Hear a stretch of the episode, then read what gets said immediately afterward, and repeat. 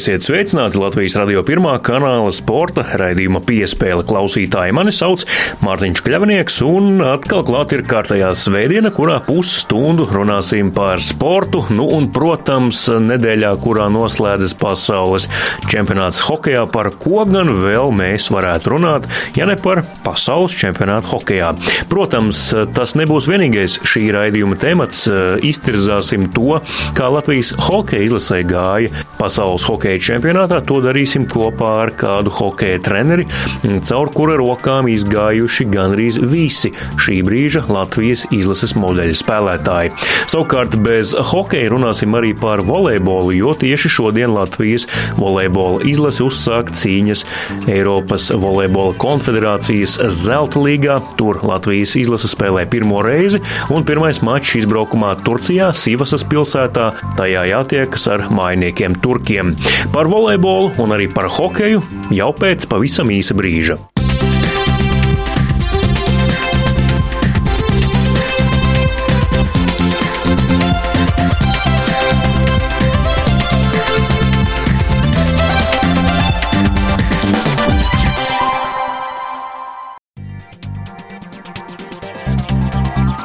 Jūs klausāties Latvijas radio pirmā kanāla sporta raidījumu piespēle, un skaidrs, ka daudziem uz lūpām joprojām ir divi vārdi - pasaules čempionāts. Un eh, ar šiem vārdiem saprot nevis kuru katru sporta veidu un tā pasaules čempionātu, bet pavasaros Latvijā, protams, visvairāk gadījumos tas ir pasaules čempionāts hokejā. Latvijas izlase to noslēdza desmitajā vietā, bet tas, protams, nav vienīgais sarunu temats, par ko šonadēļ dēļ varam runāt un runāt tieši raidījumā piespēle.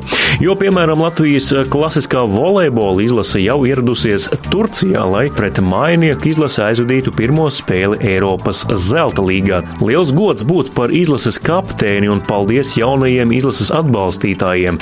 Tā savā sociālās saziņas vietnes Twitter kontā atzinis Toms Švans ar viņu un arī citu izlases dalībnieku atvaru ozoliņu sarunu dzirdēsiet raidījuma turpinājumā. Izlases galvenais treneris Avo Kēls jau paspējis raksturot sāncenšus grupā. Aktuālākais jautājums - kādā sastāvā spēlēs Slovāki? Pagājušajā gadā viņi spēlēja ar jaunās paudzes volejbolistiem, bet nesen pārbaudas spēlēs pret Igauniju jau sastāvā bija daudz pieredzējušo. Turki jau izteikušies, ka viņu prāt vērā ņemami pretinieki grupā ir tikai beļģi.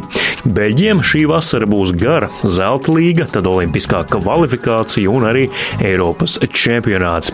Treneris Kēls neslēpa, ka Latvijas volejbolu sagaida spoža nākotne, jo jau šobrīd esot daudzi jaunie, kas demonstrē atzīstamu sniegumu valsts vienībā. Starp tiem speciālists minēja Kristapu Plataču, Markusu Cielavu un arī brāļus Renāru un Jāni Jansonus. Piedāvājam kolēģis Initas Kreses Katkovskas sarunu ar volejbola izlases jaunās paudzes pārstāvjiem - Atvaru Ozoliņu un arī kapteini Tomu Švanu, kas visticamāk nākamsezon maizi pelnīs kādā augsta līmeņa Francijas komandā. Toms Švans, pareizi esot arī so komandas kapteinis, vai tas uzliek vēl arī kaut kādus papildus pienākumus kā līdz šim, vai jau esat apredzis ar šo statusu? Kaut kādus baigi papildus pienākumus es neizjūtu.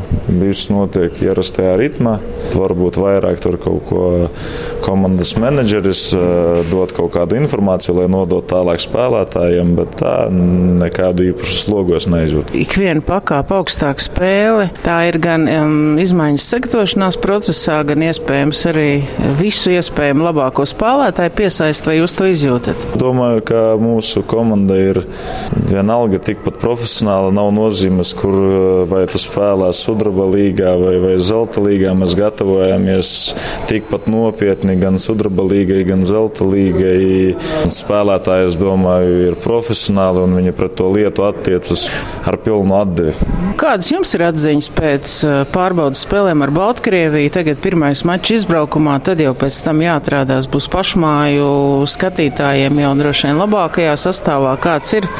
Vai var izdarīt secinājums, kaut gan no otras puses treneris teica, ka tie pārbaudas mači ir vairāk vai rezervus iespēlēt? Ir pie kā strādāt, bet nu, mēs tādā braucam uz Turciju un tad jau mēs redzēsim un nospēlēsim tos, tos pirmos oficiālās spēles, un tad jau redzēsim, pie kā mums ir jāpiestrādā, vai, vai vispār mums kaut, ka, kaut ko, ko ir jāmaina, vai nu, to mēs redzēsim. Tas laika gaitā treneris un, un vis, visa komanda redzēs. Vai ir kaut kādas izmaiņas, kas pēdējos gados liecina, ka volejbols iet kaut kādā konkrētā virzienā salīdzinot ar iepriekšējo? Kļūst ar katru gadu ātrāks un ātrāks, un tāpēc ļoti liela nozīme ir tieši pretinieka analīzei. Un, ja pretiniekam viss ir kārtībā, ļoti laba uzņemšana un tā, tur blokam ir ļoti grūti strādāt un aizsardzība arī sitieni ir ļoti spēcīgi, tāpēc tieši, tieši pretinieka analīze ir svarīgs. Tā, taktiski pareizi spēlēt pret pretinieku. Tagad laikam ar vieglām servēm volejbolā nav ko darīt.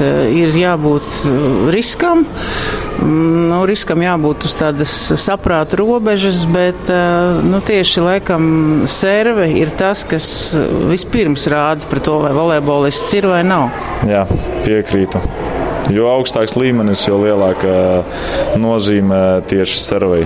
Ja cēlājiem viss ir kārtībā, ja uzņemšana ir iedota precīzi, tad blokā un aizsardzībā ir ļoti grūti spēlēt. Viss sākas ar servis. Kā jūs varat raksturot volejbola centrus Latvijā vai tie reģioni, kas savulaik bija populāri un joprojām ir? Vai ir, ka, ka nāk klāt un varbūt konkrēti arī par jūsu pirmo abeces sporta skolu? Tā. Ļoti liela konkurence, jebkurā jebkurā gadījumā mums ir tik daudz populāru sporta veidu, gan basketbols, gan kur citi sporta veidi arī paņem tos garos spēlētājus. Un, un, un e, liela izvēle tomēr Latvijā arī ir, e, ar kādu sporta veidu tu gribi nodarboties. Un volejbols varbūt pašlaik nav tas populārākais sporta veids, bet es domāju, vienalga ir spēlētāji, jā, kuri tomēr izaug tajās sporta skolās un beigās atnāk uz izlasi un rāda ļoti labu, labu rezultātu. Tāpēc tieši sporta skolas tas ir ļoti svarīgi, lai tur e, jaunieši strādā strādāt un lai labi treneri ar viņiem strādā un ieliek labus pamatus.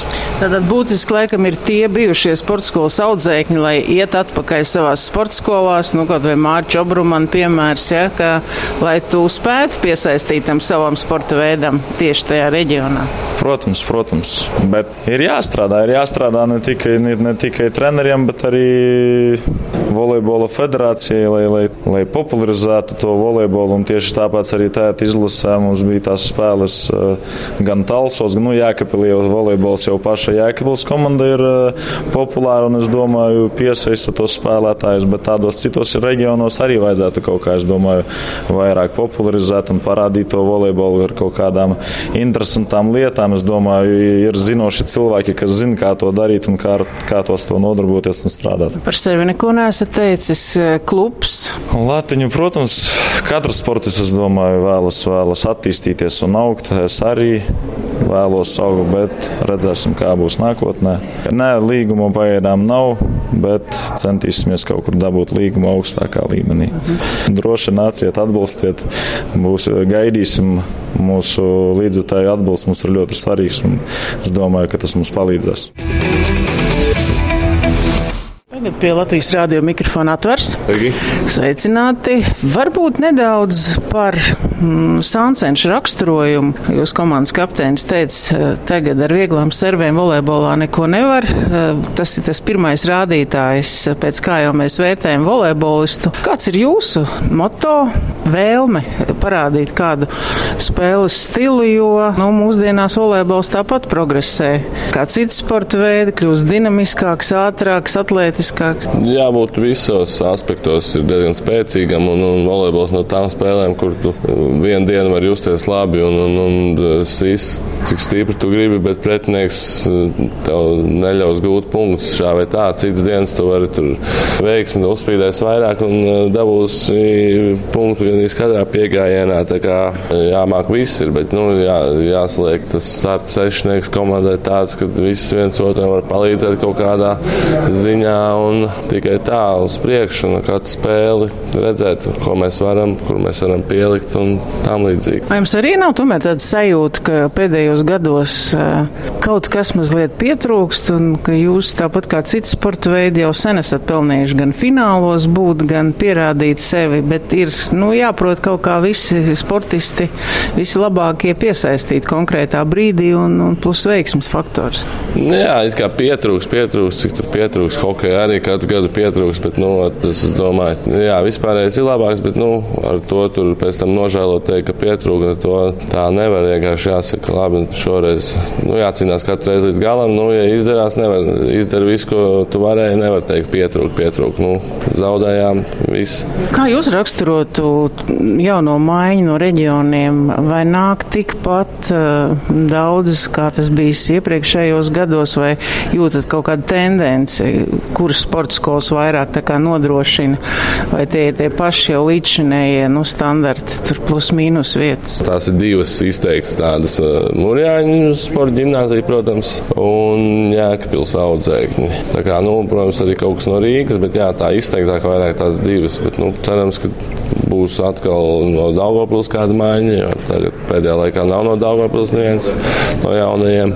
Vai būtu jāceļ trauksme, ka šie līdzšinējie uh, jaunos maiņas piegādātāji tā kā paliek nostāk arī uh, Rīga? Mēs redzam, ka finālu spēlēs vairs nav dominēt. Pašiem jāceļ trauksme, laikam, kas atrod Daugavpils Rīga, kuram citam reģionam jāceļ tā trauksme. Nu, kaut kas jāmaina ir.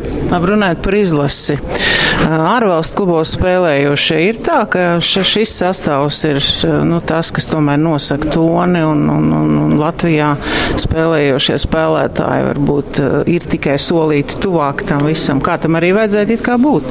Gan jā, gan nē. Protams, tie, kas tur ir tikuši augstākā, nu, ievērojami augstākās līgās, protams, ka viņi atbrauc uz nacionālo izlasi, tad jā, var redzēt, ka viņi ir līmeņi vienu vai divus augstāki, bet, bet, bet nu, nav tā, viss ir cilvēki un nav nozīme pa lielam, kur tu spēlē. Ja tu dari savu darbu un, un, un visādi varbūt. Kas jūs prāt ir Latvijas volejbola izlases, nu, teiksim, tas plus komandas spēle, atsevišķas zvaigznes droši vien diez vai, bet arī ņemot vērā treneru vēlmi taktiski domāt visam līdzi.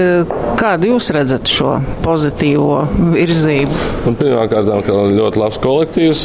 Jā, jāuzteic, ka mums ir tāds tāda līmeņa cēlājs kā Denis Petrovs. Tas ir ļoti liels iegūms. Un plus, protams, arī jauns treneris ar, savādāku pieeju un profesionālāku, manuprāt. Visbeidzot par savu nākotnes vīziju. Kādu jūs to redzat līdzinējā kluba sadarbība tiek saglabāta vai? Nemāku teikt, procesā viss ir, bet, bet, bet nu, tuvākā laikā vajadzētu visam noskaidroties, kas un kā. Par tuvāko sansensi svētdienu izbraukumā un nākamnedēļ arēnā Rīga varbūt nedaudz raksturot šīs komandas bīstamākos spēlētājus vai var runāt par rokrakstu? Grūti būs atbildēt šo jautājumu, jo pret turkiem neesmu pats spēlējis pieaugušā līmenī un, un, un Latvija, kad pēdējo reizi spēlēja, laikam bija pirms sešiem gadiem.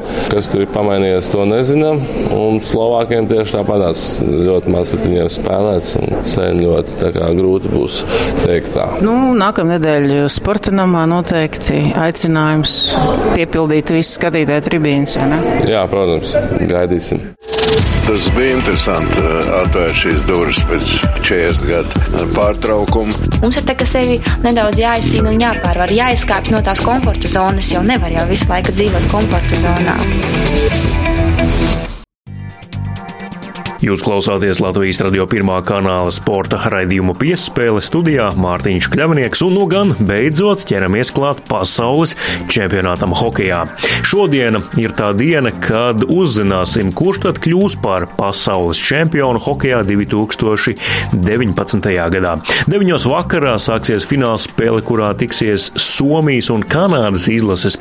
Abu komandu dalība finālā daļai pārsteidz, ja Kanāda tikusi līdz finālam tiešām um, radot mazāku rezonanci, tad Somijas izlase, kura nebūtu šajā čempionātā, nav labākajā sastāvā. Un pirms turnīra gandrīz neviens viņus neminēja kā galvenos favorītus pat uz cīņu par medaļām, tad Somi pierādīja pretējo vakardien vareno Krievijas izlasi apspēlējot ar 1 pret 0. Savukārt kanādieši savā pusfinālā pārliecinoši uzvarēja Čehijas valsts vienību Čehija un Krievija cīnīsies par bronzas medaļām, savukārt Somija un kanādieši sadalīs zeltu. Kamēr vēl nav zināms, kurš tad šogad kļūs par pasaules čempionu hokeja, redzījuma turpinājumā kopā ar hokeja treneri Ēriku Miļūnu retrospektīvi atskatīsimies uz šo turnīru Latvijas izlases izpildījumā. Latvijas valsts vienība finišēja desmitajā vietā 16 komandu konkurencē, un daudzi varētu teikt, ka tas nav nekas īpašs.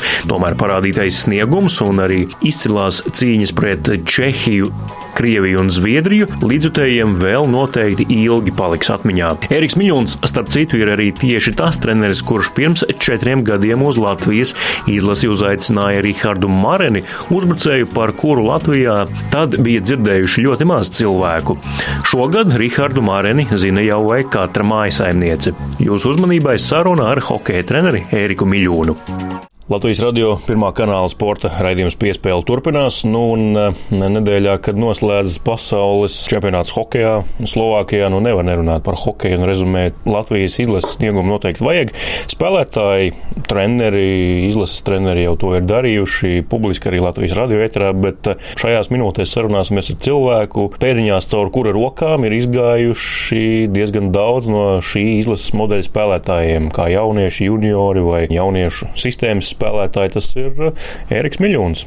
Labdien! Vai pats esat skaitījis, cik no tiem puišiem vispār ir, eh, kas sakot, eh, daļai arī jūsu audzēkļi? Nē, esmu skaitījis. Vienkārši tajos pēdējos 9, 10 gados visas 18, 20 vecuma audzēkņi no 88 līdz 99 aptuveni izgāja vadošie spēlētāji un, un, un plašāks lokus varbūt caur, caur izlasēm, caur turnīriem, caur čempionātiem. Un, nu, nevar jau teikt, ka viņi visi ir tur mani audzēkņi, bet nu, kaut kāda vairāk vai mazāk darbība un zinu visus.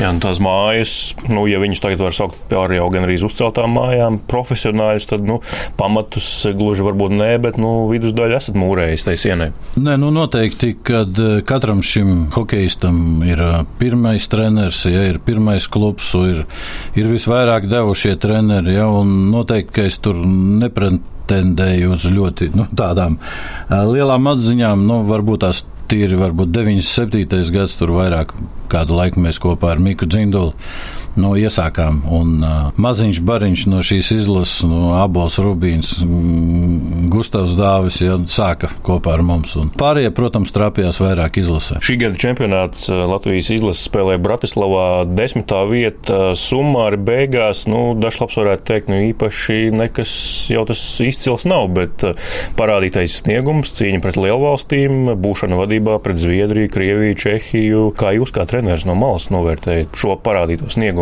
Komandai? Tur noteikti, ka pēdējo gadu vis, vislabākais čempionāts pēc, pēc snieguma, pēc cīņas spāra, pēc kvalitātes. Tas, kad ir desmitā vieta, bet nav, nav vismaz astotā, ja, nu, protams, tas ir, kā saka, uz, uz ko tiekties, bet nu, šis, šis noteikti paliks kā čempionāts, kurš ir ar ļoti pozitīvu zīmi. Jā, nu, uzskatām bija redzams tas, ka pašējiem uzbrukumā neatsēžamies aizsardzībā, piespēles uz atpakaļ pēc sarkanās līnijas šis Boba Hartlī norādījums arī tika pildīts visu laiku uz priekšu tā sauktais Forčikings, aktīvā spēle. Nu, tas viss bija uzskatām kā uz dēlnes, laikam, šajā čempionātā visvairāk. Jā, es pat teiktu, ar katru gadu tā vilkšana ripas atpakaļ un ripas apstādināšana aiz saviem vārtiem un tāda standarta klasiskā uzsākšana ar vien mazāk Latvijas izlases. Jā, jā, ieslidošanās, kas bija nu, no 80 gadiem vēl iesprūduši. Patīkami redzēt, nu, kad ir tāds progresīvāks tas skats un visi to cenšas arī izpildīt. Kā domājat, vai tās lielās izlases um, tas pārsteidza, ka mēs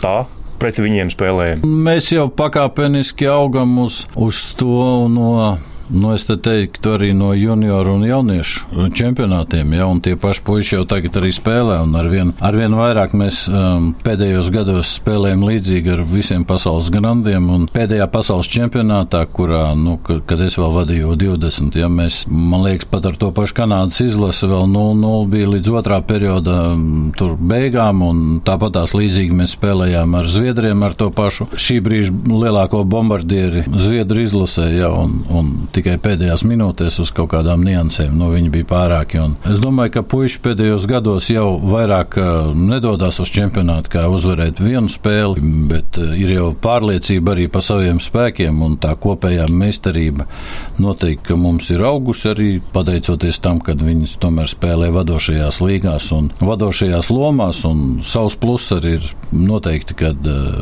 Dinamo, ka tomēr tas KHL līmenis ir pacēlis arī tos spēlētājus. Nu, pagaidām ir tas, ka mums tajā hokeja visu laiku bišķiņ, bišķiņ pietrūks, bet vienalga mēs jau esam pakāpušies uz to nākošo līmeni, kad tūlīt jau tas aizies, un tad mēs būsim turpinot darboties un pieliekot vēl, un drīz mēs varēsim, nu, tā kā Šveici jau meklēt cīņu par medaļām. Es tā ļoti ceru ka tomēr mēs laikam ejam uz augšu, ja, visā tajā hokeja darbībā un visos līmeņos, un arī katra uh, individa teiksim, meistarības ziņā mēs cenšamies nu, progresēt, pielikt. Jā, daudzi radio klausītāji varbūt neatceras, bet Eriks Miņons ir bijis arī Latvijas izlases galvenais treneris. Vismaz uz brīdi. Tas bija 2015. gada novembris, tas bija pārbaudas turnīrs Liepājā. Tā bija viena no reizēm, šķiet, kad teicāt, ka tas ir tāds īpašs pagodinājums, jo tā bija pirmā reize. Ja?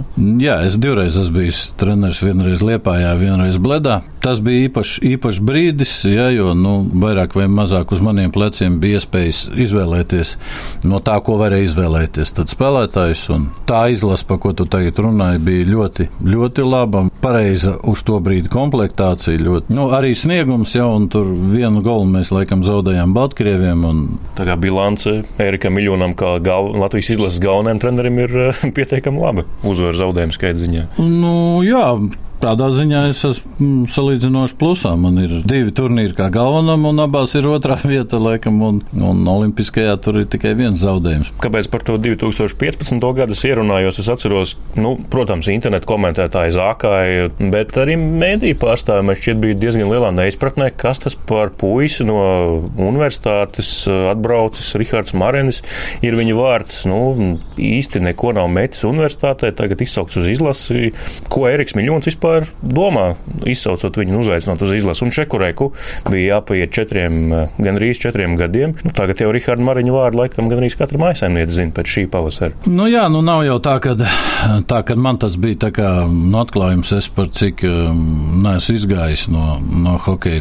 Bija lietas kursā pa katru hokeistu. Nu, Rihards bija manā tajā, ja nā, tā var noteikt redzes lokā jau no bērna kājas. Nu, viņš, viņš nebija mūsu gluži audzēknis, kaut arī bija mūsu sporta skolā, un uh, viņa māte strādāja mūsu firmā. Bija viņš Edmunds Vasiljovs, hokeja skolas audzēknis, bet arī pēc tam bija mūsējs. Un, un vairākas vasaras, kādas nezinu, 5, 6 pēc kārtas brīvos brīžus, nu, viņš trenējās arī pie maniem. Tikai traumu un dažādu citu problēmu dēļ viņš netika iekļauts uh, 18 un 20 izlasēs. Tas ir nu, tas stāsts. Tādi nav daudzi. Zinot viņu nu, no mazotnes un zinot viņa potenciālu un varēšanu, un, nu, kā saka, jauniešu vecumā viņš spēlēja ar Girgensonu vienā, nu, ja tā teikt, maiņā, jau un aptuvenā vienādā līmenī. Pat varbūt labāk, ja it sevišķi tajā jauniešu vecumā. Un visu to saliekot kopā un zinot, kad, eh, kā viņš trenējās vasarā un kā var spēlēt, eh, radās iespēja arī viņu uzaicināt.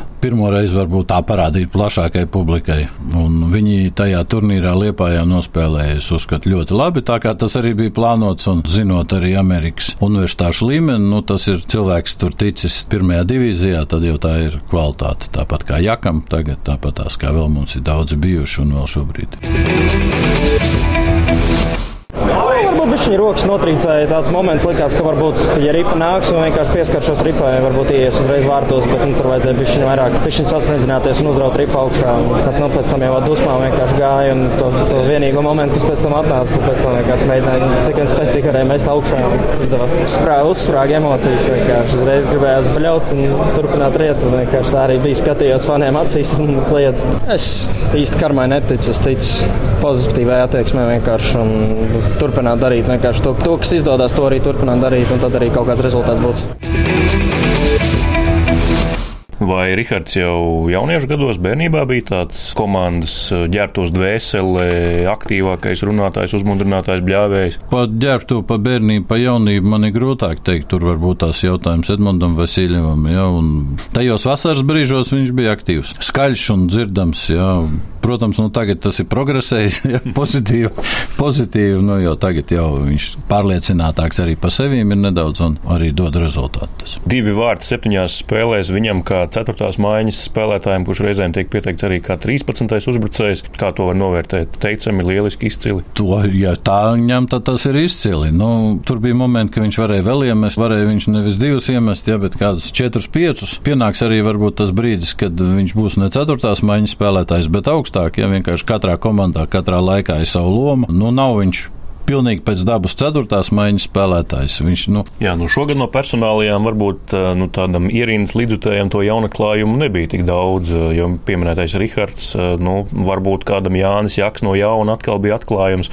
Protams, tas, ko viņš parādīja šajās trijās spēlēs, bija teicams sniegums, mm, bet bija kāds, kas jums iekrīt acīs, kurš varbūt ir jau zināms spēlētājs, bet nospēlēja varbūt labāk nekā ierasts no viņa gaidīt. Mm, es noteikti neesmu īstais, kam uzdot šo jautājumu, jo es viņus nu, tā kas zina nu, tuvāk. Man liekas, ka šis čempionāts ar varbūt dažiem izņēmumiem bija viens no labākajiem visiem. Tas darbs, kas tika izdarīts, un līdz ar to arī veiksme man, manā uzskatījumā salīdzinoši tomēr lielākoties bija mūsu pusē. Jā, neskatoties arī uz visiem tiesnešiem, un, un štangas bija ļoti daudz, kas glāba, jā, nu, kas izvērtēt, kurš ir visvairāk progresējis un ielicis, nu, nezinu. Man liekas, visi progresējuši, pilnīgi visi.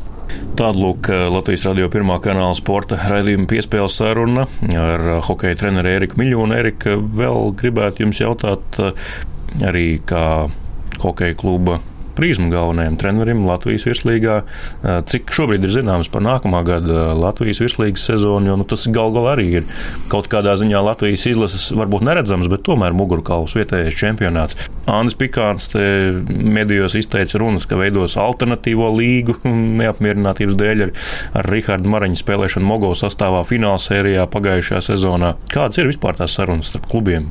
Nu, sarunas turpinās. Bija neizdarības, jeb nekonkrētības no federācijas puses, atsevišķos organizatoriskos un nolikuma atreferējumu jautājumos. Kopumā viss vienalga bija labi. Tāds klubs, nu, kā mēs, mums ir tomēr esam negodīgā tajā nu, situācijā, ka mums ir jācīnās ar klubiem, kuriem ir pašvaldības atbalsts. Mums nav pašvaldības atbalsta pats sporta skolai ir ļoti lieli robi un visu sporta skolu, nu, saka, jācenšas vēl dotēt klāt no kluba tā ģenerāli virslīgas klubiem ir. Jūs esat viensprāts par to sistēmu, kādai būtu jābūt. Nu, piemēram, tam pašam Rīgas dīnāmo spēlētājam, kādam statusam viņam būtu jābūt, kā viņš varētu ceļot no dīnāmo uz virslīgu vai atpakaļ. Tas ir arī tie jautājumi, par ko mēs, par ko mēs runājām. Un, uh, mans tas piedāvājums visā tajā un ieteikumi bija, ka būtu pareizi, ka visi Latvijas hokejs šobrīd izējot no tās situācijas bija, būtu Dīnāmo Rīgas farmklubs un mēs būtu tikai lepni ja mēs varētu to auziņu, nu, pieņemsim, kā auziņu jādod uz Dienāmo, un tā kā viņš nav vajadzīgs, viņš nevis aizbrauc uz Liepāju un spēlē pret mums, bet nu, atgriežas pie mums, ja to visu var normāli sakārtot, un tāpatās arī ar, ar junioru vecumu spēlētājiem, tie, kur spēlē mm, jaunatnes hokeja līgā, kur arī tāpatās mēs būtu lepni un priecīgi atdot visus spēlētājus, lai tik viņi tiek uz augšu, bet eh, līdz ko viņi tur vairs nav vajadzīgi, vai kā ir savādāk, kad lai viņi atkal caur citu Rīgas sistēmas komandu nespēlē pret mums, ja, bet ir atpakaļ uz savu klubu. Nu, par to mēs, mēs uh, diskutējam. Un, jau īstenībā jau otro gadu runājam, pagaidām nesekmīgi. Nu, tādā pašā Šveicē jau 20 gadus, ja kur aptuveni 10 līdzīgi klubi un struktūras cīnās, un kas dod rezultātu. Mums visi tie kaut vai 10 klubi uz 14 gadiem tiek eh, novājināti nu, bez nekādām tādām būtiskām varbūt, kompensācijām, lai mēs attīstītos kā hokejs vēl straujāk un, un pareizāk un plašāk. Un, un līdz ar to arī viss tā virslīgas komplektēšana un komandas nu, dalība kādā izskatā un vai vispār vajag. Ja to, tas viss arī izējot no tā visa. Ja ir kopēji mērķi, kopēja industrija Latvijas hokeja, nu, tā tad celšanai uz augšu, nevis šauru atsevišķu klubu, pie tam vēl pašvaldības tikai atbalstītu. Jā, nu, nu, lietiņu, nu, tas viss tā kopā sajiet. Tālāk Eriks Miļons par hokeju Latvijā, par Latvijas hokeja izlasi un arī hokeja sistēmu. Gaidām uh, jauno Latvijas hokeja virslīgas sezonu, kā izskatīsies prizma, pārējie klubi. Vien tagad jau var teikt, ka cīņa būs spraiga tabulas augšdaļā, lejasdaļā, vidusdaļā un visā kopumā arī. Paldies, Erika, par šo sarunu, un tad uh, tiekamies droši vien kādā no nākamajām reizēm. Jā. Paldies, cerams, mēs atkal kādreiz būsim čempioni un gan jau tiksimies. Vislabāk! Sportā raidījums piespēle līdz ar to šoreiz arī izskan ar nepacietību gaidām, kurš kļūs par pasaules čempionu hokeja, un gaidām arī Latvijas volejbola izlases nākamās nedēļas spēli Daugavas sporta namā pret Slovākiju. Tas būs Eiropas zelta līgas mačs. Bet šodien no jums atvadās Mārtiņš Kļavnieks un saka jums uz sadzirdēšanos.